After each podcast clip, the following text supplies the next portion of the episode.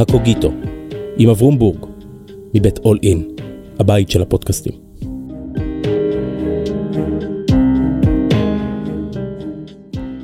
שלום, כאן אברום בורג. במשך חיי פגשתי המוני אנשים, רובם מעניינים ומרתקים בדרכם. וכשאני מחפש את המפתח על מגירות הלב של הנשים והגברים האלה, אני מוצא תמיד יסוד אחד. לכל אחד ואחת מהם יש טקסט משלהם. לכל איש ואישה יש טקסט, קצר או ארוך, ספר, שיר או פתגם, טקסט אחד לפחות, עליו בנויים הרבה ממגדלי החיים שלהם. בפודקאסט הזה, הקוגיטו, אנחנו משוחחים, לא מתקוטטים ולא מתנצחים, אלא יוצאים מהטקסטים אל דרך ההבנה של הזולת, מנסים להבין את עומק הקולות הסמויים של המקהלה הישראלית. והיום ירון לונדון. שלום ירון. שלום לך אברום. יש בי יראה של לראיין את המראיין. אפסיק, אני אקל עליך. אני לא סומך עליך, זה בדיוק הנקודה. וכשדיברנו אמרת, אין לי טקסט, אין לי טקסט, אין לי טקסט, ובסוף בחרת בשניים. נכון. כן, תראה, התפיסה היא קצת אה, נוטה לרומנטיקה, התפיסה שלך. זה כמו שאומרים, האם יש טקסט ששינה את חייך, או האם יש מאורע שממנו ואילך הפכת לאיש אחר. אין לי כזה. וגם אין לי ספר ששינה את חיי.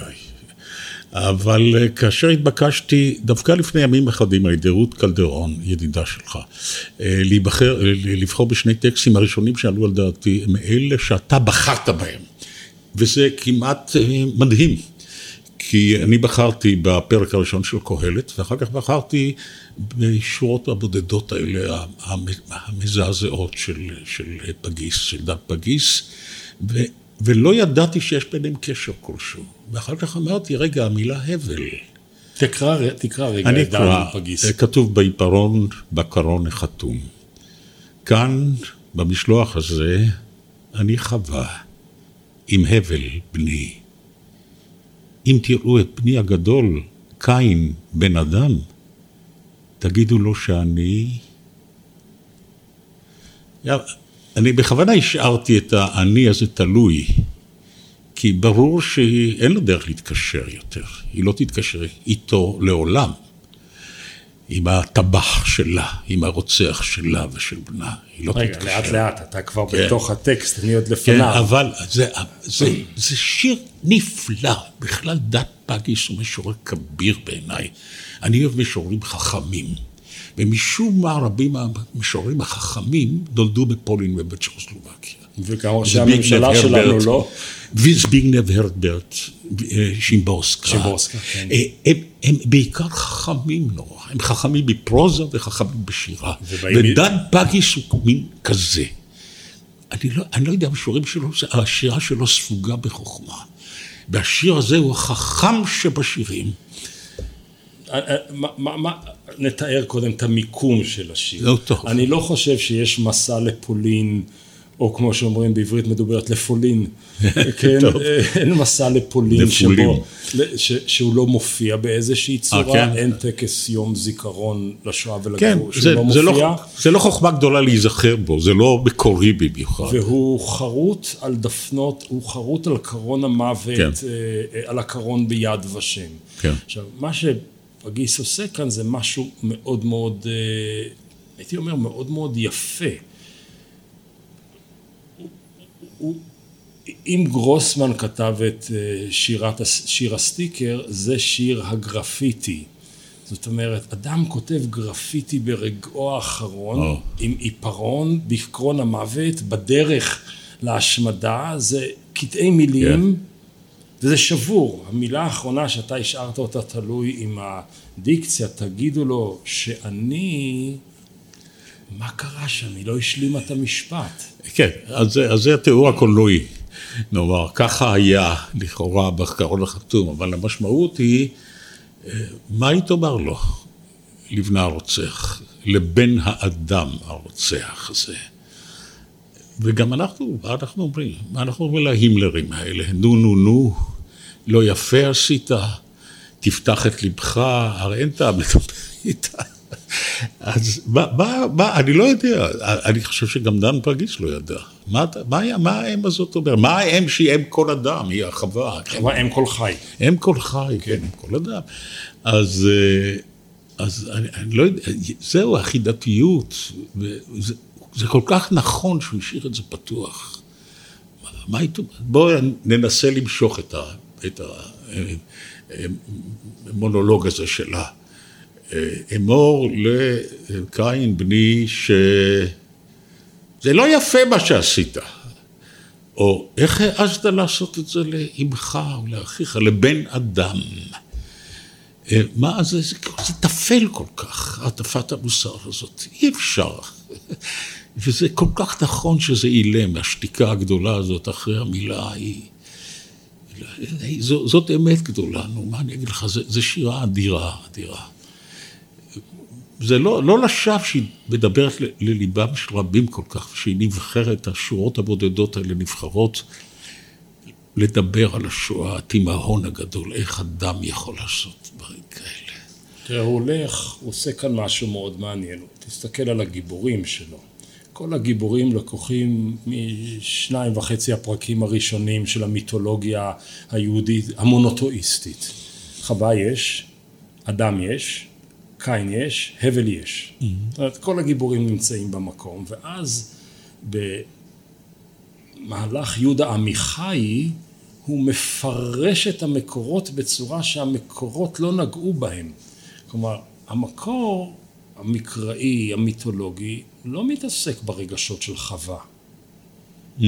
וכאן הוא שואל עוד שאלה, הוא אומר, רגע, אני אימא גם של הקורבן וגם של המקריב. עכשיו, זה נכון mm. בספר בראשית, mm. אבל הייתי צריך לחכות לפגיס, לפגיס כדי שיגיד לי את רגשותיה של חווה. כן. טוב, אה, אתה בקיא ממני בכתובים, אבל נדמה לי שהתורה היא טקסט של מעשים. יש מעט מאוד ביטויים של, לפעמים קרא את בגדו, אז הקריאה היא הרהורים על מה חשב אדם בנפשו או ייסורי נפשו, יש לך מעט. אפילו איוב לא שואל, שואל שאלה, זה לא בסדר, הוא אומר, למה עשו לי את זה? זה הכל. אבל אין שם תיאורים של מכאובו, נורא כואב לי, נורא מגרד לי, אני רוצה לקלף את בשרי באצבעותיי. אה, אין שם אה, שאלות עמוקות מאוד על הלך נפשו. אין. תנ"ך, לא... תנ"ך הוא עלילה. טח, טח, טח, טח, הדברים קורים. זה נכון שהשפה המקראית... היא, היא קצוצה כזאת. היא, היא, היא פעלית. היא פעלית, זאת בדיוק. זאת אומרת, אם אני אשאל אותך, ירון, ספר לי על איזה רומן שלך. כן. אני אהבתי אותה, ולקחנו ובאנו, כן. קח לך רבע שעה של תיאור, מה כתוב לא. במקרא, ותהר ותלד. בדיוק. שני פעלים, נכון. גמרנו תשעה חודשים. וישכב איתה, ויאהב אותה. אבל, אבל, אבל יש במקרא רמזים של אמוציות. אמרת איוב, הוא מקלל, הוא אומר ארור היום יבעלת בו והלילה אמר הור הגבר, וואלה עד שמאמין כזה מקלל, או, או וייחר אפו, או, או, או, או יש איזה, יש איזה תכונות כן, יש. אנושיות מסוימות. בוודאי, כי אתה מביא, על ידי הפעולה אתה מביא לביטוי את אה, הלוך נפשך, כן. אבל, אבל התורה היא מאוד קמצנית, הייתי אומר בעניין. באמוציות כן, כן? לכן היא פעלית והיא לא, כן. פחות תיאורית. אוקיי. ועכשיו מגיע המשורר המאוחר, או המשוררים המאוחרים, ואומרים, חבר'ה, אנחנו עכשיו גרים, ב, גרים ב, או חיים בעידן שהרגשות, הטאץ' מפילמי, הם יותר דומיננטיים מאשר נכון. המעשה. אז אני מוסיף עכשיו את הפרשנות שלי. Mm-hmm. יש, יש כאן איזשהו רגע, יש כאן איזשהו רגע שהוא הוא, הוא מעניין. זאת אומרת, המשפחה היא עוד לפני הרציחות הגדולות. כלומר, האימא עוד לא נרצחה בשואה, הבל עוד לא נרצח על ידי קין, אדם וקין הם בקואליציה אחת, קין בן אדם, וחווה והבל הם פוטנציאל הקורבנות במקום השני, למה, מחלקת את, למה הוא מחלק את המשפחה ככה? אני לא יודע, אני לא יודע, אבל אני חושב שלצורך הסיפור. יש פה סיפור, יש פה סיטואציה. אז הוא יודע את הסוף לפני יש, שהוא יש מספר לו, אותו. יש לו סיפור, יש פה סיטואציה שמוכרת לנו. הסיטואציה הזאת איננה זרה לנו. אה, ובעצם אנחנו משחזרים תמונות שאנחנו מכירים ממקורות אחרים. אה, היא נוסעת בקרון חתום אל רציף המוות של אושוויץ. ושם ברגע האחרון היא מנסה להשליך דרך החרך של, ה, של העץ של קרון הבהמות פתק אחרון שהיא רוצה לומר בו משהו. כי אני רוצה לחיות את הרגעים האחרונים כדי שיישאר ממני זכר של דיבור, שידעו מה עוללו לי. אנחנו מכירים את הסיפור הזה. זה תמצית הסיפור של המסע לאושוויץ. אבל הוא, הוא, הוא הופך אותו, נאמר, משרשרת של אפיזודות לסיפור סמלי של מה שעושה אדם לאדם. זה, זה הגדולה של המשפטים הבודדים האלה. זה הסיפור האנושי, על הבהמיות האנושית, על הרצח. לכן זה נפלא כל כך, זה הלקוניות הזאת שהיא הופכת עליך את עולמך, פתאום דווקא כשאתה רואה שהוא מת, זה ככה. אני מת על השיר הזה, מת על השיר. אל תמות כל כך מהר, רגע, יש לנו תוכנית לא, לפניו, תחיה. אבל באמת, זה... שיא השירה בעיניי, אתה יודע. אני, אני מסכים איתך שזה גבוה מאוד, מאוד, אבל אני חושב שמעבר ליכולת הצפודה, לקחת עשרים מילים, שלושים מילים, אני לא יודע כמה יש פה, ולתאר היסטוריה שלמה על מכלוליה, אני חושב שהוא מייצר כאן בבת אחת שתי קטגוריות, ובואו נתעסק איתן, אני אגיד את שתיהן ונעסוק בהן אחת אחת. אחת. חווה, כפי שהזכרת, היא נקראת אם כל חי במיתולוגיה, ובה פגיס וטוען, היא גם אם כל מוות. זאת אומרת, אה, אה. ברור. ומכאן גם המוות הוא אנושי, גם הרוצח הוא אנושי, ולכן כאשר הוא בוחר במילים האלה, או למשל לא בוחר בעקידת יצחק, כפי שאחרים כל כך אהבו אה, לעסוק בשואה, אלא הוא עוסק בטרם היות העם היהודי, והוא בעצם טוען זאת סוגיה אוניברסלית שאנשים הורגים אנשים ולא גויים הורגים יהודים. נכון. אז נכון. בואו בוא נעסוק בשתיהם. אם כל מוות. אם כל מוות? מדוע? היא איננה ממיתה. אבל היא הרתה את הרוצח. היא הרתה את הרוצח. והיא מדברת אליו כבנה. היא לא כן. מתכחשת לו בעצם, היא מבקשת ממנו אה, לשאת, לבצע משימה בשבילה. כן. אני, אני קורא בתוך הטקסט הקצר הזה, זה תימהון גדול. בכל זאת. קין, אתה, אתה הבן שלי? אתה עושה דבר כזה? אתה הוא? אני, אני חושב שיש פה תמיהה, אין פה השלמה. היא לכאורה, אם כל חיי צריכה לדעת הכל, מה שהיה ומה שיהיה, אבל לא. אמור לו, תשמע, מה, מה, מה עשית? מה עשית? כן? איך אתה יכול לעשות דבר כזה? אני, אני שומע את זה, אולי, אתה יודע. אם תראו את בני הגדול, קין בן אדם, כן. תגידו לו שאני שונאת אותו, שאני כועסת עליו, שאני לא מבינה אותו, שאני רוצה הסברים. אה, אולי, אולי אפילו לא, אני, אני שומע מוזיקה אחרת, אני לא. יודע. קין, קין שלי, מתוק שלי, אתה, אתה עושה דבר כזה? אני, אני שומע, אבל אתה יודע, זה מתוך החוויה האנושית שלנו. איך זה יכול להיות שאתה תעשה דבר כזה? ככה אני שומע את זה. זה בעצם, אה, פגיס משאיר לנו כאן את הדלתות המסתובבות, שכל אחד יסיים... תשמע, אחרת זה לא היה שיר גדול. אם זה היה שיר חתום בקרון הסגור, במובן של, של ההבנה, אם הוא היה אומר לנו, תשמע, ברגע זה חווה מתארת את זה ומטיפה מוסר, זה, זה לא היה שיר. הגדולה של השיר הזה זה דווקא העובדה שאנחנו מסוגלים לדבר עליו חצי שעה ויכולנו לדבר עוד שעתיים. ושבסוף היא נסעה לאושוויץ והיא נרצחה, וקין של היום שונה והבל עדיין חי, או חלקו.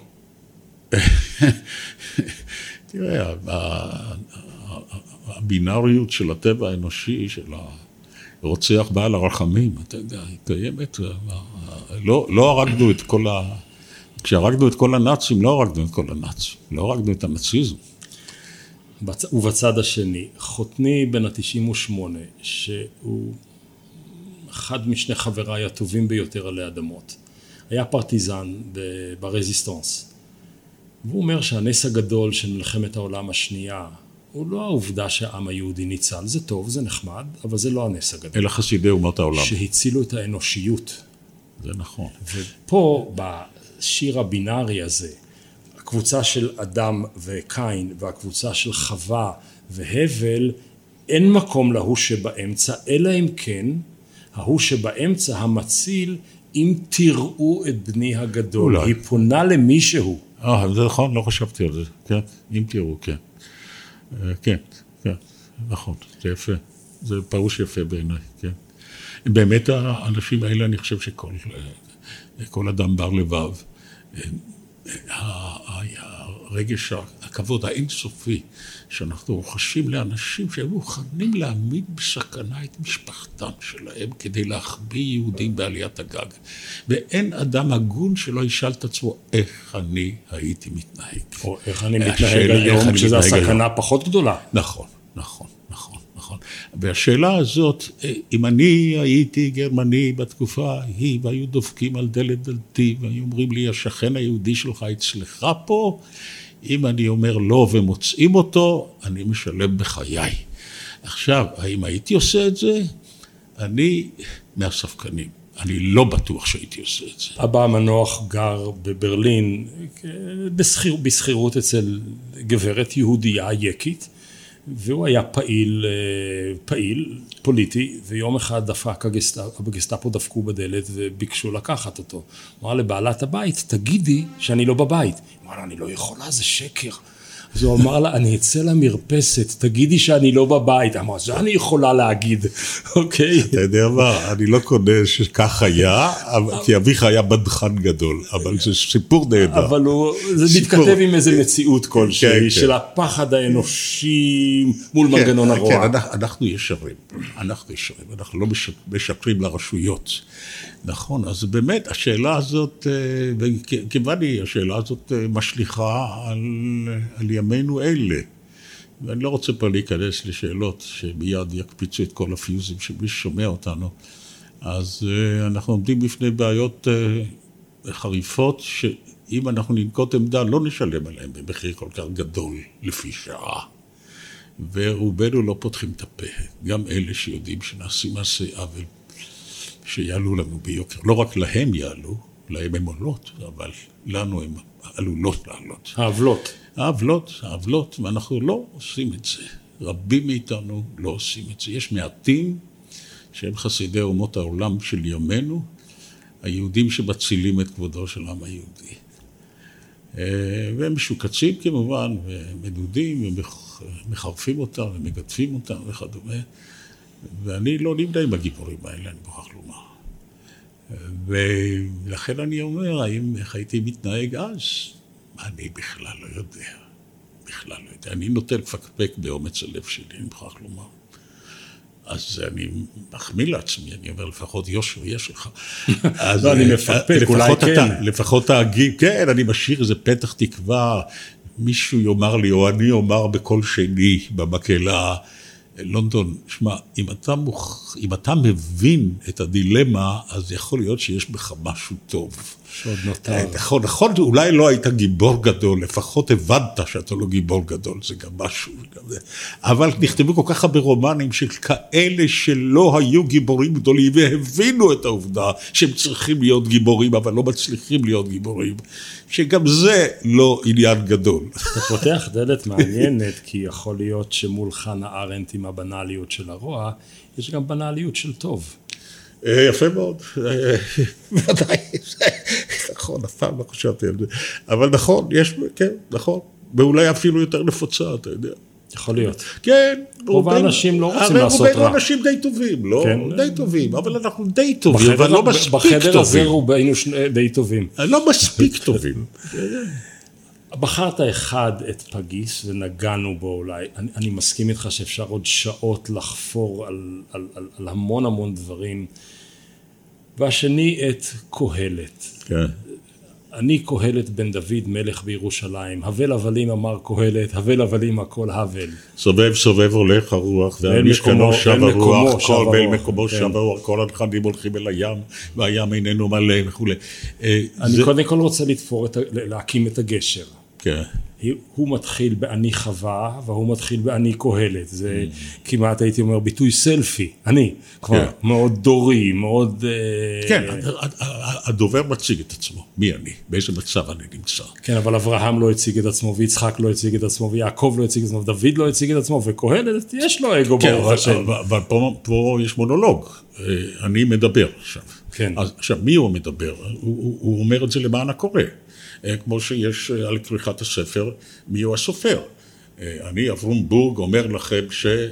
וכולי וכולי. אז זה דבר ראשון. עכשיו, מי הוא האיש? כיוון שהוא איש בדוי, מפני שבמאה הרביעית לפני הספירה, שרוב החוקרים חושבים שאז נכתב פחות או יותר קהלת בתקופת שיבת ציון, אז הקורא או השומע, היו מעט קוראים, אבל הרבה שומעים, יודעים שלא היה מלך כזה ששמו קהלת, כי הם כבר קוראים את ספר מלכים וכולי. הם יודעים שבשושלות מלכי יהודה וישראל אין קהלת. יש שלמה. עכשיו שלמה, נניח עלה אני לא זוכר מתי, 980 לפני הספירה, זאת אומרת, עד שנכתב הספר הזה עברו 500 שנה. זה לא יכול להיות קהלת, הם יודעים שלא היה קהלת, אבל מה? זה סיפור על מלך. למה הוא צריך להיות מלך? כי כדי להסביר את הייאוש מכל האופציות, הוא צריך לומר, תשמעו, היה לי הכל. לא לכולנו יש הכל. לא לכולנו יש שפע, עושר, מרכבות ו- ושרתים שרצים לפני מרכבותינו ופילגשים בארמונות. לרובנו אין. לי היה את כל זה שאתם רוצים להגריל בפיס. היה לי כבר, אוקיי. אני יכול לדבר מנקודת מבטו של מי שהיה לו.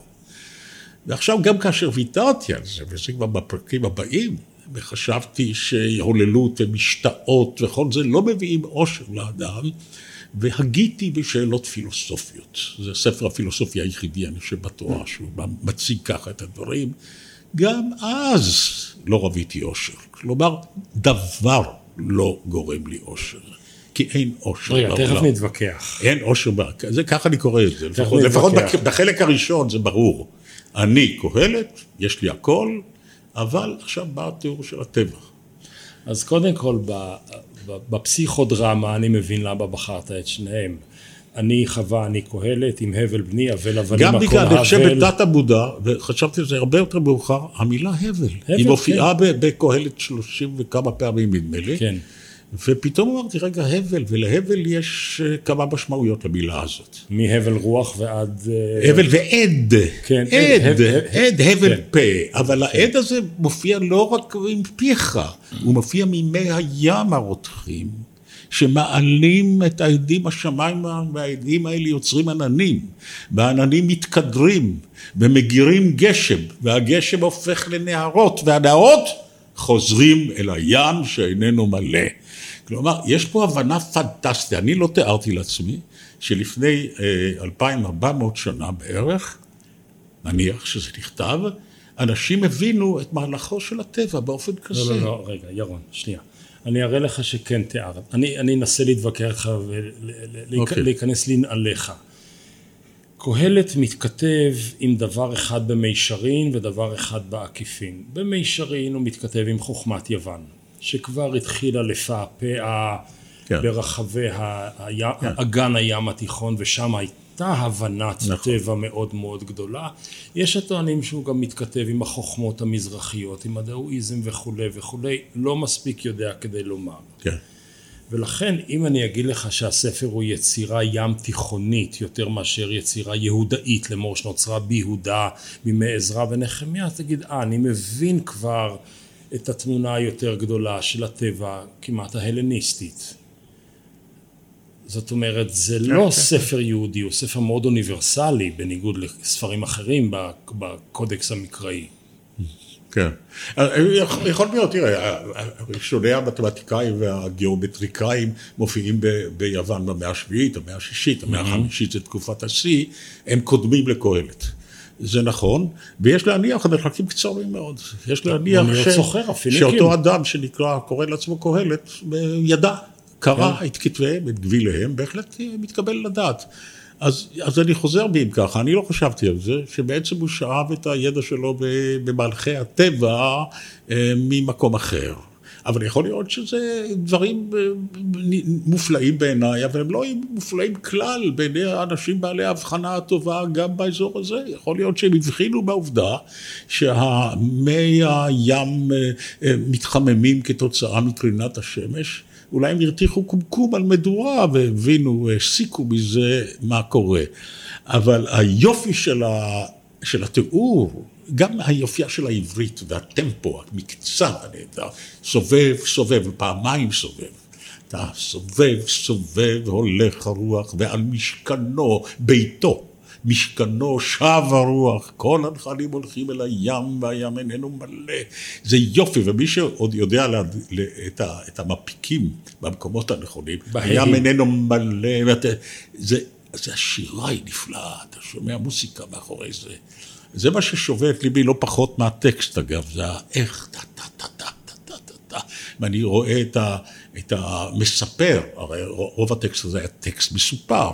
בקהילות יהודיה או קהילות ישראל, אני יודע איפה הם יושבים. זה טקסט מאוד כריזמטי. כן, מאוד, מאוד. אתה רואה, אדם בעל קול יפה ונעים, דיקציה טובה. זה הזקן מספר הג'ונגל שיושב. אה, נכון, כן, ומספר למוגלי. כן, מספר למוגלי. כן, כן ומקסים אותם עם הטקסט הזה, וואו, הנה. הנה העולם, והנה הבריאה, ואני את כל זה חוויתי במלואו, ואני אומר לכם, הבל הבלים. אז אני חושב שהטקסט הוא יותר עורמתי מהקריאה הראשונית. הקריאה הראשונית היא סוג של פסימי, די נגמר, הולכים למות, אל מקומו שב הרוח. אה, כשאתה נכנס פנימה, במעווה הפרקים אתה מוצא שלושה, ארבעה יסודות שיוצרים שלם שיכול להיות שהוא אטרקטיבי לכמה קהלים שונים בקרחת ויכול להיות שכתבו אותו שלושה מחברים שונים. מאוד יכול להיות, אבל עכשיו מסתכלים על השלם הטקסטואלי ואומרים זה. הוא ציניקן, אבל אבל עם הכל אבל. הוא פסימיסט. מה היתרון לאדם בכל עמלו שיעמול תחת השמש? הוא מוסרי מאוד. מקום המשפט שם הרשע. והוא גם הוגה חברתי, הוא מדבר על דמעת העשוקים. נכון. וכשאתה לוקח את כל החבילה הזו, אז אתה אומר, זה ספר חוכמה. ואפילו ספר מוסר, ולא רק קינה עצובה של סוף ימיו של פלוני. כן. אולי, אולי, אבל אה, אני, אני, הקול הדומיננטי הוא בסופו של דבר, ואחרי כל זה מה? זה הקול הדומיננטי, ואחרי כל זה מה? אז מה יצא לי מזה? ככה אני שומע את זה, אני יודע. אז אוקיי, אז אה, אנחנו מתדיינים מהו צדק ומהו עוול. ואנחנו מתבוננים בפלאי הטבע, ואנחנו נהנים מתענוגות החושים, ואנחנו מנסים הכל, מתנסים בכל. יכול להיות שהוא היה מאני דפרסיבי האיש הזה, אתה יודע. לא, באמת, אני אומר, כן, יש מצבי רוח שונים. אני מזדהה עם, ה... עם הספקן הזה, שאומר, מה בצע? ויש פה, הדבר המשמעותי ביותר בעיניי הוא אה, מה בצע בזיכרון המצטבר. כלומר, אני לא רוצה שתזכרו אותי ולא תקימו לי אסטלות ולא אה, תחפשו במסמכים שלי בארגז מי אני הייתי ומי שיכתוב עליי ביוגרפיה. לא צריך את כל זה, כי אין טעם. השכחה תנצח את הזיכרון. יותר מהם הבני ייזהר עשות ספרים הרבה. כן, נכון, גם זה נפלא. מה טעם? הטון המרכזי, הצליל המרכזי שאני שומע הוא אין טעם בשום דבר. ירון, אבל זאת מניפולציה. אני אגיד לך למה, למה זו מניפולציה. שפגיס משאיר... אני שומע את עצמי, אתה יודע, ככה לא, זה, הרי, ש... הרי הקורא הוא שיוצר את הספר, לא הסופר. גם. כן. תגידו לו שאני, והוא משאיר את השלוש נקודות, נכון. שלושת אלפים נקודות, ואוקיי, כן קהלת מאתגר אותך בציניות שלו, והנה עברו שניים וחצי אלפי שנים. ויושבים שני ישראלים. קוראים אותו. ועוסקים כן, בו, ובמובן הזה... הוא מכחיש את עצמו, אתה אומר, בעצם. ודאי, כן. הטיעון שלך קורס לתוך עצמו, כי אנחנו עוסקים בו, אז, אז המורשת עובדת. כן, אבל יש, הוא לא משורר הייאוש היחיד שקם לנו מאז, יש עוד משוררי ייאוש, ויש עוד סופרי ייאוש. מצוינים ואנחנו קוראים אותם. זה, זה פרדוקסלי באמת. כשאתה שומע בתוך קהלת את אל מקומו שב הרוח, כן. ומה שהיה הוא שיהיה, והשמש זורחת וכולי וכולי, מה, יש לך... התחושה של, שלי כקורא, שהוא עוש, מנסה להבין את הזמן, איך הזמן עובד. כן, השאלה היא פה, אה, זה יודע כל מי שעוסק בתפיסות העולם המזרחיות והמערביות, נגיד, האם חץ הזמן פניו קדימה ואין... האם הוא ליניארי שרק מתקדם? או שכמו בהודו, אתה יודע, העולמות נחרבים ונוצרים מחדש, זאת אומרת, יש תופעות מעגליות. רבותיי, ההיסטוריה חוזרת. אז באמת פה השאלה, האם אנחנו צריכים להגיע עד לשם, שבעצם הוא לוקח מהמזרח את ה... הולך, סובב, סובב, אל מקומו שב הוא שם. כלומר, העולם חוזר ומתקיים, או אחרי הריסתו הוא חוזר ומתגשם. Mm-hmm. אני לא יודע, אני, לא, אני לא חושב, אני לא הייתי הולך עד לשם. אני חושב שזה... הוא, אני, התחושה שלי הוא שהוא לא מגיע למחשבות האלה. הוא מגיע לטווח החיים של האדם. בחייו של האדם, שזה אני, אין אחרי זה כלום, אין גן עדן, אין גיהנום, אין פה. אין פה מלאכים, אין פה שטן, אין פה שום דבר. יש פה חייו של אדם אחד. ובחיים האלה הכל מעגלי, הכל קורה, יש 365 אה, ימים בשנה ויש ארבע עונות וזה חוזר וחוזר על עצמו אותם חגים ואותו ים ואותו נהר ואותם שמיים ואותו גשם ואותם עננים ואותם ברקים ואותם רעמים ואותם יחסים בין אנשים ואותו עוול ואותו אי צדק שמענו, כלום לא יוצא מזה וזה ככה יחזור כנראה וככה יהיה תמיד וזה בסך הכל זה שירת ה... זה העליבות במלוא יופייה, הייתי אומר. באמת. אני, הייאוש במלוא הודו, אתה יודע. במית, הייאוש במיטבו. היינו, כן. אז אני רוצה להציע את האופטימיות במרעה, אם זה הייאוש במיטבו. אני קורא את הספר מעט אחרת, ועכשיו אני מסתכל על כל המכלול של אה, קהלת ולא רק על הפרק הראשון שלו. הוא מתחיל במשהו באמת מאוד דטרמיניסטי, מאוד עגול, חמור רתום לקורת בית הגבד ומסתובב ומסתובב ומלקים אותו והוא הולך אבל לא קורה שום דבר. ויש תפיסה אחרת שאומרת אתה מתחיל בנקודה A א' וגומר בנקודה ת' וזה ישר ואין היסטוריה, אתה לא יכול לחזור אחורה.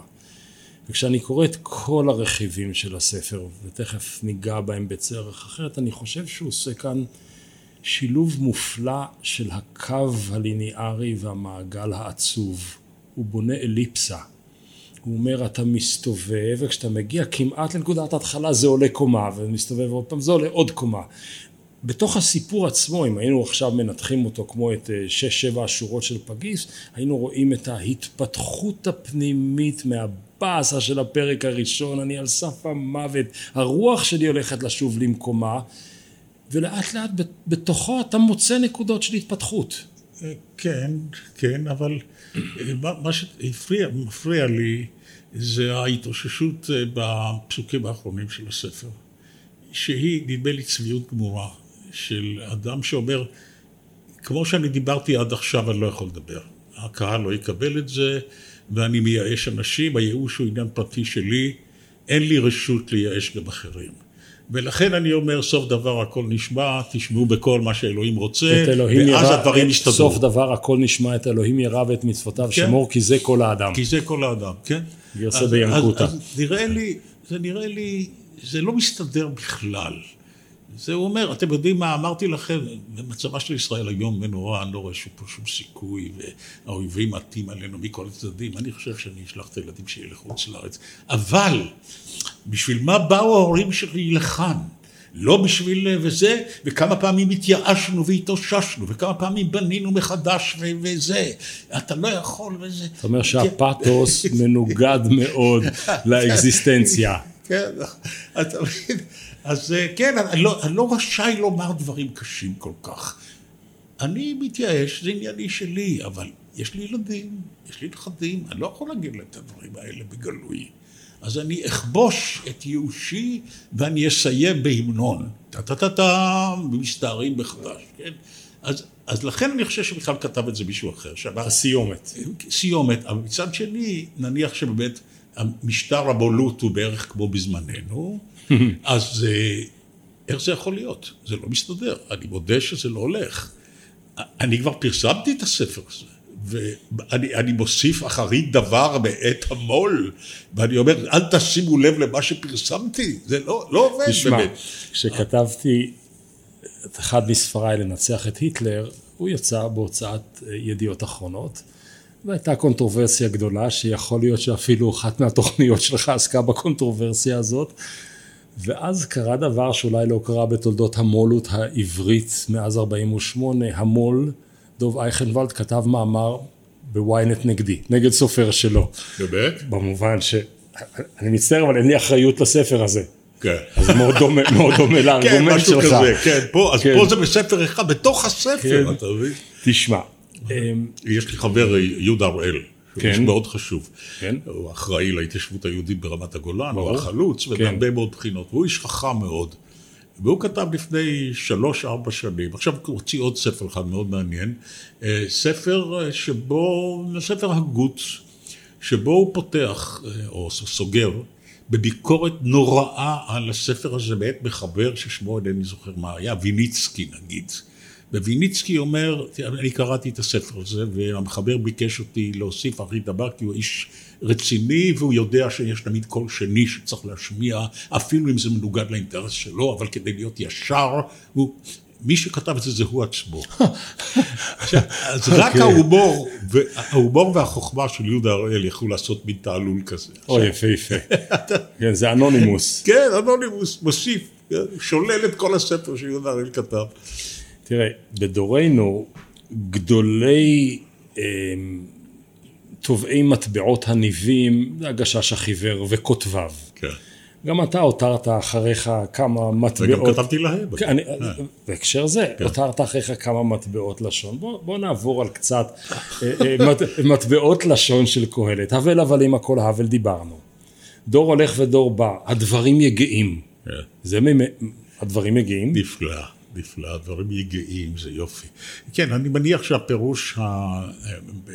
של, הת- של בני תקופתו של קהלת, של הכותב, ליגע, איננו רק עייף. אני חושב שהכוונה היא אחרת, ואינני יודע מהי. יכול להיות שצריך אה, מומחים ללשונות עתיקות, ללשון התנ"כית, ימצאו מקבילות, איך משתמשים במילה יגע. האם יגע הוא עייף ותו לא, או יגע זה עייף מאוד, או, או נגרר באיטיות. נדמה לי, אני, אני חושב שזה יגע זה... זה לאה מאוד. לאה, כן, איטי. ולשמחה מה זו עושה? לשמחה, מה, מה, אתם, מה אתם שמחים כל כך, תגידו? מה, מה, מה השמחה? איך זה נותר? איך זה, איך זה נשאר עומד כל כך חזק? כן, נהדר, נהדר. החכם חכם. עיניו בראשו. כן. למי אני עמל? טובים השניים מן האחד, זה נכון? אה, תלוי- לאיזה מטרה, לאיזה מטרה. אה, אני התנסיתי בזוגיות במשך הרבה שנים עם מוטי קירשנבאום בין השאר, וזו הייתה זוגיות מועילה ביותר. באמת טובים השניים במובן הזה. שאיפה קורית ההעשרה? במקומות תראה, החלשים יש- או החזקים שלך? זה באמת, אני ראיתי פעם מישהו ליקט את כל המכתמים האלה, את כל המשפטים שנטבעו, נדפסו לתוך השפה העברית המודרנית. וזה הישג פנטסטי של קהלת, שאני חושב על זה 2,400 שנה אחרי שאדם כותב. ניב שורד. ואנחנו לא זוכרים אפילו מי כתב את זה, לעזאזל. זה שלוב כל כך היטב בשפה, ואפילו בז'רגון, בשפה ההגתית ביותר, אתה יודע, ואפילו משחקים עם זה, יוסי בנאי, כשהוא כותב לגששים הוא משחק, אתה יודע, עם, עם הדברים האלה. בבית הספר, אני כתבתי בבית הספר מלמדים אותם לא לסמוך על המזל, בזיעת אפיך תאכל לחם. כן. מפעל הפיס. מפעל הפיס, כן. כן. מלמדים אותנו, אבל יותר טוב להגריל. ובזיעת אפיך תאכל נכון, לחם נכון. דברי תורה דברים. נכון. יגעים? כן, אני לא זוכר להצביע את המילים שלך אוקיי. הרבה שנים. מתוקה שנת העובד? מתוקה שאתה עובד, עד גורדון. האומנם? האומנם, כן. רעה חולה? נפלא, אתה יודע מה? זה נורא נחמד שאתה בונה את זה, אתה יודע, מהי רעה חולה? מהי רעה חולה? רעה חולה זה רע מאוד, זה רע עד ייאוש, זה רע עד דום. יותר רע מרע. יותר רע מרע, זה רע כזה שאתה אומר, מוטב למות. זה הרע הכי טוב שיכול להיות. זה נהדר. וכשהוא ראה הכל, והוא, אה, בניגוד לאיוב שכמעט איבד את חייו, בוודאי את כל נכסיו, הוא אומר דבר אחר. עושר שמור לבעליו לרעתו. נכון. שזה מה? זה אנטי קפיטליסטי. אה, במובן המודרני. אני חושב, זה ודאי המחנכים שלי בבית החינוך לילדי עובדים בצפון תל אביב, ככה הם היו מפרשים את הדברים. היזהרו מלהיות עשירים מדי. אני לא מקבל את זה היום, אני חושב שזה נחמד מאוד להיות עשיר מאוד. אתה לא רוצה להיות עשיר מאוד? זה לא יקרה, אז אני לא עוסק בזה. אה, אבל זה... מה- להיות מאוד, אני- זה, אנשים כמונו, שיש להם איזו אחריות ציבורית, רואים את עצמם בכל כן? זאת, שליח ציבור. אז אם היה לי מיליארד דולר, איזה דברים טובים הייתי יכול כמו לעשות ששאלו את בזה? האיש, מה היית עושה מיליארד נכון. דולר? אומר 900 אלף הייתי הייתי מחזיר חובות, והשאר, השאר שיחכו. כן. לא, לא, הייתי... אני המון פעמים חושב על זה, אם היה לי מיליארד דולר, זה נורא טיפשי שאיש בן 82 עוד חושב במונחים כאלה. להפך, זה הצעירות. אבל, אבל אני אומר, מה הדבר הזה? באמת, מה אתה היית עושה אם היה לך מיליארד דולר? הייתי שואל את ירון לונדון, אני לא יודע. לא לא- לא הייתי יכול להכיל את זה. אני, מה, מה אחד, תיזכר באיזו בעיה חברתית שאפשר לפתור אותה בעזרת כסף. אי אפשר היה להביא שלום באמצעות הכסף, ולכן אני לא יודע, כי הדבר היה, ממיקוד כל הדברים שאני רוצה שהעולם יתוקן בו, אני רוצה שלום. וזה לא סוגיה של כסף או שווה כסף, זה סוגיה של עולם אחר. אבל רק שנייה לחזור לבית הספר שלך, פעם הגדרת את עצמך כאחד מבניה, אני אגיד, מבחורי בניה של האינטליגנציה העובדת בתוך הרפובליקה של ההסתדרות. אני לא, אז אמרתי את זה על עצמי או על הוריי. אני חושב... אני חושב שאבא שלי ואמי ראו את עצמם כפרולטריון של חברת העובדים, האומנים שעובדים, אבי, השחקן, ראה את עצמו כעובד בשירות החברה.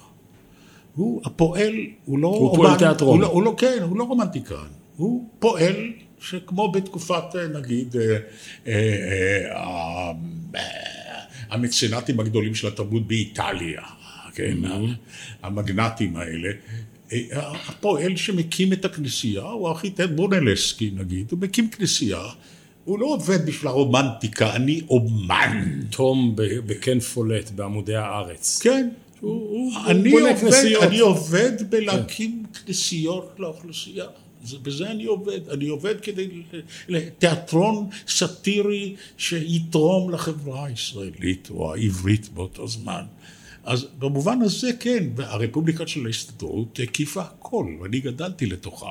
בתי הספר היו של ההסתדרות, קופת חולים היו- הייתה של ההסתדרות, רבע מהמשק היה של חברת העובדים, קואופרטיב דן היה קואופרטיב, קואופרטיב אגד היה קואופרטיב של חברים. קו-אופ? קו-אופ היה, כן, הבנק היה בנק הפועלים, אה, כל דבר, כשקיבלתי זריקה, או רופא השיניים שטרפר אותי, היה עובד בשירות ה... בשירות החברה הפועלית? בשירות הפרולטריון. כך, תנועת הנוער הייתה של ההסתדרות, הכל על ההסתדרות. תנועות הנוער. תנועות הנוער, התיאטרון האוהל שאבי שיחק בו, היה תיאטרון של ההסתדרות. רגע, הוא היה פה קרוב. לא, לא כל כך קרוב, אבל די קרוב. מה היה פה אוהל ש... מה היה פה? פה ממש, פה היה אוהל שם. אוהל שם, אוהל כן. שם היה פה לא רחוק, נכון. אז כשאני אמרתי, זאת הייתה הכוונה, הרפובליקה של ההסתדרות. נמשיך קצת עם הניבים, אה, כן. עם, עם ניבי, כלומר, אחרי שאמרנו אה, שאושר שמור לבעליו לרעתו, הוא אומר, מבחינת איפכא מסתברא, הכסף יענה את הכל. נכון, אוקיי. נכון. לא חשבתי על הסתירה הזאת. טוב מראה עיניים מהלוך נפש. כן. אתה דיברת קודם על הלוך הנפש. נכון. מה, מה בין מראה העיניים להלוך הנפש ובין הוא- הרצוי למצוי? איך היינו משייכים אותו לאיזה אסכולה מדעית? תראה, הוא אמפיריציסט. אוקיי. אוקיי? זה מה יש. כן, יש לו תעבוד במעבדה, זה מה שיש, כן. אחר כך תפנטז. ואתה, שהעברת, לא יכול להגיד תחת ידיך, אבל אה, כבקרת רועה עדרו, כלומר, אה, עברו אצלך בכל סיבוביך. אתה משווה אותי לאלוהים, כן? לא, ראשיה, שריה ויועציה. אתה מקבל את אמירת קהלת שטוב שם משמן טוב? עוד ניב נצחי? אה, כן, כן, בסך הכל כן, בסך הכל כן. אני, אני עדיין מחשיב, אה, אני עדיין מחשיב עמוד דבר מוסרי והסתפקות במועט. אמר. ההוא שרוצה מיליארד, כן. אני רוצה מיליארד לחלק אותו. הבנתי, אוקיי, פייר. אה, ואחר כך אני אגיד לך אם אתה רוצה, גם מה, במה הייתי משקיע, במה אני חושב בימים אלה שהייתי משקיע. אה, כן, בסך הכל, בסך הכל ככה אני רואה את ה... איך אתה קם בבוקר ומת, ומתגלח ואתה מביט במראה ומה אתה אומר לעצמך. עשיתי אותה או אני ככה הייתי רוצה להיות, כזה אדם אני הייתי, אני, זה, זה לא מה שאני רואה במראה, אל תטעה, אל תטעה, אבל כן, אני חושב שכן. האם ייתכ- תיתכן עיתונות בלי הקוהלטיזם של עוף השמיים יוליך את הכל? בלי ההדלפה והשמועה והספין? זה, זה כמובן לא יכול להיות. הנטייה היא של, של בעלי הכוח היא הסתרה. ובכלל זו נטייה אנושית, לא לספר הכל. אה, וה- והשלטונות מסתירים. יש אידיאליסטים שדיברו על זה, אפילו כתבו על זה ספרים. ועכשיו עוד יותר יש אה, מומחה לניהול באוניברסיטת תל אביב, שדיבר על אה, דור הגילוי המוחלט. דור שבו לא תיתכן הסתרה. לא תיתכן הסתרה כי אפשר לפענח כל זה צופן. הרעיון של אסאנג'. נכון. לחשוף את הכל, נכון, ואז לא נכון. יוכלו להיות מלחמות. עשה את זה בפועל, אבל כן. יש לזה גם בסיס תיאורטי, שטוב יהיה כך. אין ישיבת ממשלה אה, בדלתיים סגורות, הכל פתוח. האם זה אפשרי? האם זה לא נוגד מאוד את הטבע האנושי? מה זה טבע אנושי? זה לא טבע אנושי, זה אורחות חייו של האדם. אורחות חייו של האדם משתנות בהתאם לנתונים, בהתאם למצב. אין פה שום עיקרון ביולוגי שבגללה אנחנו נשמור על סודות. אין פה, זה לא עניין, זה עניין של איזה מין משטר, איזה מין חברה אנחנו רוצים, במה אנחנו נבחר ומה התנאים יאפשרו לנו. האם באמת מחוסר ברירה להצפין אנחנו נגלה הכל ונאמר, זה בכלל לא נורא שלחברות לא תהיינה סודות מסחריים. כל סוד מסחרי יתגלה מיד. אה, זה יהיה לשרת את החברה. ואם אה, אנחנו נמצא דרכים אחרות לפצות את בעל הפטנט למשל. אה, אז זה לשאלה שלך. אולי זו תשובה קצת נאיבית. אם אני אשתמש בדברים של קהלת, אני אגיד אלה דברים כדורבנות. אני, אני לא אבל- בטוח, יכול להיות שהם דברים מטופשים. אבל הם אה, מאוד אה, מדרבנים. אה, ודאי יהיו הרבה רבים שיאמרו את זה, לא מזמן היה לי ויכוח בפייסבוק, אני ציטטתי, תרגמתי איזה דברים של משורר אמריקאי אחד שמתאר מהו גבול. אז הוא, משפט אחרי משפט הוא יוצר איזה מכתבים, מכתמים יפים כאלה. אני יודע, גבול הוא קו שציפורים אינן רואות, למשל. ואז התחיל הגל של תגובות, ומישהו, אחד מהחכמים במגיבים, אמר, אתה מזכיר לי את ילדי הפרחים האלה, הטיפשיים, שחולמים כל מיני חלומות ומביאים רק אסונות. אז אמרתי לו, תסלח לי, 450 מיליון אנשים חיים באירופה ללא גבולות. זה היה חלום של ז'אן מונה ושל רובר שומן ושל אדנאו ושל דה גול. והנה לך משוודיה, מפינלנד ועל גיברלטר, אנשים עוברים את היבשת הזאת בלי גבול. חלום? זה היה חלום, אבל 450 מיליון אנשים חיים חיים אותו. בתוך החלום הזה. אז כנראה שחלומות יש להם ערך. עכשיו אני אומר משהו, ש- משפט קהלתי שאני מאוד אוהב אותו בגלל אסוציאציה מיידית. אמרו פעם לשמעון פרס, שלח לחמך על פני המים, הוא אומר, לחם, שלחתי מאפיות ולא חזר כלום. כתבת את הספר האוטוביוגרפי היחיד שלך, לו הייתי פיראט. חייכת אל עצמך, לו הייתי פיראט. וכל הספר לאורכו אתה עושה מאמץ אדיר להגיד אין לי מה להגיד. ככה אתה קורא את זה? כן, ואני אני חושב ש... אני כעסתי, כי הנה, אנחנו מדברים שעה ויש כל כך הרבה. אני- אני לא חושב שזה אנדרסטימציה, יש איזו הערכת אה, חסר של תרומתי לעולם. אני באמת ובתמים חושב שאני אדם אה, בעל אה, כישרונות רבים, אלא שכולם בינוניים. ואין לי שום המראה שתינון לנצח, או איזו תרומה לחברה. אתה יודע, אז יישאר פזמון אחד, אליעזר בן יהודה, ציפציף מעל הרציף, עוד דור אחד ישירו אותו. אני יודע, יראו מדי פעם את מסיבת גן שעשיתי, או את הסדרה אליעזר בן יהודה. זה לא דברים מאוד חשובים. החברה והעולם כולו, האנושות, לא תימצא חסרה אם כל הדברים האלה היו קורים. עם התחושה הזאת אני הולך, אני יודע, אני לא חושב שזה צביעות יותר, בוודאי אני אכחיש כל מי שאומר שזו צביעות או התחסדות, זה לא התחסדות, אני באמת, אני חי בהרגשה שעשיתי, עשיתי מה שעניין אותי פחות או יותר, מה שעורר את הסקרנות שלי, הלכתי בעקבות uh, חשקיי, לא בעקבות איזו תחושת שליחות. אני אגיד לך, אני, אני, בוא נגיד אני אחד האנשים היחידים בעולם שיש לו ניסיון נפלא בלספוד לאנשים חיים. אז אני לא רוצה כרגע, לא, לא נזכיר, כרגע, לא נזכיר את לא, העניין, לא כן. רוצה כרגע לתרגל את זה, הוא עוד חי, הוא עוד חי, ויחי שנים ארוכות. לאורך שנים, אמנון. אני חושב שאם אני שמסתכל יחסית מן הצד, כי זו פעם ראשונה שאנחנו משוחחים אה, כחברותות, זאת אומרת, כן. עד היום היה בינינו יחסי מרות, זאת אומרת, אתה, אתה היית, אתה היית המראיין. אתה צבוע, כן, כן, יושב ראש הסוכנות, כן. יושב ראש הכנסת, אני... לא, אבל הייתי אני... בא, בא, בא ב, ב, בכפיפות קומה אוקיי. מסוימת. אני חושב שעשית בוא, בוא נעצור פה, לא, בחייך, עזוב, לא, עזוב, עזוב. אני עזוב. אני רוצה שתתייחס לתוכן, אוקיי. את המעבר מדור הפתוס האדיר, הפתוס הלשוני והרעיוני כן. של הורינו, לדור יומיומי, נורמלי. עכשיו, זה נורא קשה להיות שם כולם- לא בטרנספורמטור. כולם יסכימו איתך לגביי, מפני שרבים אה, חושבים שאני, אה, שהלשון שלי מפוארת מדי, ברוקית מדי, שאני מתנשא, שאני מייצג את ארץ ישראל. הישנה, את האליטות הישנות, האשכנזיות האלה.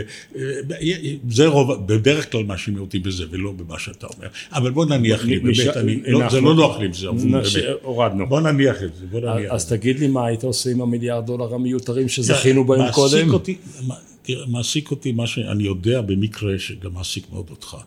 יש פה 21-22 אחוז מאזרחי ישראל, שווי זכויות על פי, על פי הקונסטיטוציה שלנו, שחמישית מהאוכלוסייה, שזכויותיה שונות בפועל, לא על פי החוק, בזמן האחרון גם על פי החוק שהשתנה, אבל... וזה העתיד של המדינה בעיניי. זה חמישית האוכלוסייה, ויכעסו עליי היהודים כמובן אם אומר להם, גם אלה שיסכימו איתי בליבם, לא יעזו לומר, הניסיון להצעיד את הקהילות החרדיות הענקיות והגדלות בקצב אה, מהיר מאוד אל תוך המודרנה, נכשל. בכל מה שכרוך לשאלות כלכליות, אה, אה, נכשל. כשאני בודק את המספרים של נגיד המכינות החרדיות שמטרתם היא להכשיר חרדים שלא אה, קיבלו השכלה מספקת לעולם המודרני, להתמודדות בתוך השוק המודרני, הילודה החרדית הרבה יותר גדולה מאשר המכינות האלה, מרוב המכינות האלה כושה, רוב התלמידים כושלים. הם לא מצליחים להגיע לאקדמיות הגדולות, לכל היותר למכללות שמלמדות משפטים נניח. זה, עם זה אנחנו לא נבנה מדינה. צריך להשלים עם העובדה הזאת, לא נצליח. הייתה מחשבה שעם ההתמוטטות הכלכלית של החברה החרדית לא תהיה ברירה, הם יפרצו, כמו שקרה במאה ה-18, 19 באירופה, אותו דבר. זה לא קורה. זה לא קורה. על כל פנים, גם אם יקרה, לא מספיק מהר. ואנחנו מבחינת ההתפתחות שלנו, התל"ג, קצב גידול התל"ג, איננו מדביק את גידול האוכלוסייה. פירוש הדבר שישראל הולכת, למרות שאנחנו מדינה משגשגת, יש פה 30-40 אלף אנשים שעוסקים בהייטק וכולי, ואנחנו מוכרים אה, את, האלגוריתמים שלנו לעולם, אה, אה, אנחנו, מצבנו אנחנו הולכים ומתרוששים ולא הולכים ומתעשרים. עכשיו, אם אנחנו נהיה מדינה מרוששת, אנחנו לא נהיה פה. זה ברור לחלוטין, אנחנו צריכים להיות הכי חזקים, הכי חכמים והכי עשירים במזרח התיכון, וזה אומר לך שוחר שלום, שנוטה להאמין לאפשרות שיהיה פה שלום. לא פסימיסט שאומר שצריך להיות תמיד עם אה, אה, אה, מכונת עירייה ביד. לא, לא, אני לא כזה, אבל אני אומר לך שאותם שבעה, עשרה, שנים עשר, שעוד מעט נהיה, יהודים לא יכולים להחזיק מעמד אם לא יהיו הכי טובים, הכי חזקים, הכי חכמים והכי עשירים במזרח התיכון. לא תהיה. ובאופן מוזר, יש פה 25 אחוז, כי הם יהיו עוד מעט, של אנשים שבניגוד ל- ליהודים שהולכים ומתרשלים, הולכים ומתעצלים, הולכים ומתפנקים, יש בחברה הערבית יצר אדיר כמו של מהגרים. לרכוש השכלה. של הפרוונו, כן, כן. בדיוק, כבר בדיוק. החדשים האלה. המגיעים. ואתה רואה את זה, אנשים לא מבחינים בדינמיקה הכבירה הזאת, בכוח העצום שיש בחברה הזאת. אני מכיר אותם במקרה, כי חלק מזמני אני חי בגליל, ואני מכיר את האנשים. אנחנו מתרשמים מהפשע בעולם הערבי, בחברה הערבית. עכשיו, ממה נובע הפשע? מזה שחלק מהחברה הערבית מצליח להשיג את המודרנה, מצליח להתעשר, מצליח לשגשג. חלק לא מצליח. הפשע הוא החלק הזה שלא מצליח. כלומר, שיעור הפשיעה בחברה הערבית נובע מהצלחה, באופן פר- פרדוקסלי, מהצלחה. זאת אומרת, בגידול הפערים. פערים גורמים לפשע, או מעודדים פשע, או מאפשרים פשע. עכשיו, אם אני הייתי, אם היה לי מיליארד, הייתי משקיע בהתגברות על הבעיות של החברה הבדואית בנגב. אני הייתי משקיע בחינוך. זאת החלשה שבחוליות החלשות. החלשה שבחוליות החלשות. ואתה כמי שעוסק בניהול גם, והתעניין בניהול, יודע שזה אחת מתירות הניהול, אתה תוקף, אתה ראשית כל מחשל את החוליה החלשה. זאת החוליה החלשה. אז אה, כן, אז יש חוות בודדים בנגב, אני צוחק כשאני רואה את זה, זה יופי בשביל לשתות יין, אני יודע מה, או בשביל לנסוע לאילת. מה זה חוות הבודדים בנגב? למה לא מושבים בדואים בנגב? סליחה. למה לא להשקיע את זה ביכולות שיש בבדואים, כן? אלא לגרום לכך שהם לא יתפסו לנו את אדמות הנגב. מה שוות האדמות האלה, תגיד, בכלכלה מודרנית? זה הבעיה. תתעש את הנגב. אני זוכר שהיה אה, הסכם השלום בערבה בין, ה... בין ירדן לישראל, ואני נורא צחקתי, כי דיברו שם ברוב הנאומים, גם של רבין, אני חושב שגם המלך חוסן, אה, דיברו על זה שהנגב יוריק, יהיה מים בנגב. מי צריך שהנגב יוריק? תפתח קזינו אחד, אז תרוויח הרבה יותר מאשר נגב ירוק. אתה לא צריך לרדת, אתה צריך תעשייה בנגב. ולא, ולא לכרי דשא בנגב, עם מים מותפלים באמצעות נפט או באמצעות גז, כן? אז בזה הייתי משפיע את הכסף, מיליארד לא מספיק, מיליארד לא מספיק, אבל אני הייתי עושה, לפחות יוצר מכון בהשתתפות של אנשי מחשבה ערבים ויהודים, איך מתגברים, איך מכישים את המעבר של החברה השבטית הזאת לעידן המודרני. אי אפשר לעשות את זה בן יום, לא בדור, בעיות של משפחה, בעיות של פטריארכיה, בעיות של שבטיות וכולי. אוקיי, אז ייקח שני דורות, ייקח שלושה דורות. אין לנו זמן יותר, אין לנו זמן יותר. אמרת לי פעם שברעיון צריך להגיע לנקודת המתח שלו. זה נכון, זה, כי זה דיאלוג דרמטי. כן. מה שאנחנו עושים זה יותר... אז דיברנו שעה, ובסוף במשפט האחרון הגענו אל אה, המתח? אל כן. ה... אוקיי. אני רוצה להגיד, אני, יש לי הרבה מה לומר, אני חושב שהחברה הישראלית, כל החברות הישראליות מתפרקות, מתפוררות, נפרמות. החרדים נפרמים, הציונים הדתיים נפרמים, הערבים נפרמים, החילונים נפרמים, ודברים מרתקים קורים באזורי הפרימות. אבל החזון שאתה מציב כאן, שאומר לא ייתכן שוויון אגב הפרדה, שזה בעצם הייתה קריאת הקרב של השחורים בארצות הברית. אין, אין שוויון והפרדה. וזו הייתה קריאת הקרב בדרום אפריקה, והייתה קריאת הקרב של כבושים בכל מקום שלא יהיה. בסופו של דבר תגיע הנה. אבל כדי שהדבר הזה יקרה, אולי צריך עוד דבר אחד מקהלת, ואי אפשר לעשות אותו עם גורם המתח הדרמטי. צריך לשאוף ליום שבו בחברה שלנו, היהודית הישראלית, דברי חכמים יישמעו בנחת, דברי חכמים בנחת נשמעים. אני לא יודע אם יש כאן בכלל דברי חכמים בישראל, אבל נחת, יש, יש. נחת בשמיעה ובהקשבה אין. זה, זה נכון, זה אחת הבעיות הנוראות. אני, אני לא יודע. היא, אתה לא יכול לנהל יותר... שיחה בלי שהכל מתפוצץ עליך. עם הדלתות פתוחות. יכול, ב, ב, כן. ב, בסתר דלתיים אתה יכול לדבר בשקט, אבל בזירה הפומבית, שהכנסת מייצגת, תגיד, הם לא, אי אפשר לדבר ברצינות? אי אפשר. אי אפשר לדבר ברצינות? זה, זה משגע אותי הדבר הזה. מה קרה? מה שאומר חברך, אין מה לשמוע. מה, כן? אני, אני לא מאמין, ב, אני מאמין בחוכמת המונים, או לפחות בחוכמת נציגיהם של ההמונים. יש לזולתך, יש מה לומר לעזאזל, תקשיב לו, תקשיב לו עד הסוף, אל תתערב, אל ת, ת, תחצה אותו בכל משפט, אל תיעלב כל הזמן. כל הזמן פה נעלבים, נעלבים, נעלבים. זה הרגש השולט בחברה הישראלית, זה רגש העלבון. כולם נעלבים. תזה... אתה אומר משפט, העלבת מישהו. התזה שלי, התזה שלי על הפוליטיקה הישראלית אומרת שבישראל כולם כבר נעלבו, אבל לא לכולם הייתה הזדמנות להעליב. צריך לגמור את המחזור. ירון לונדון, תודה רבה.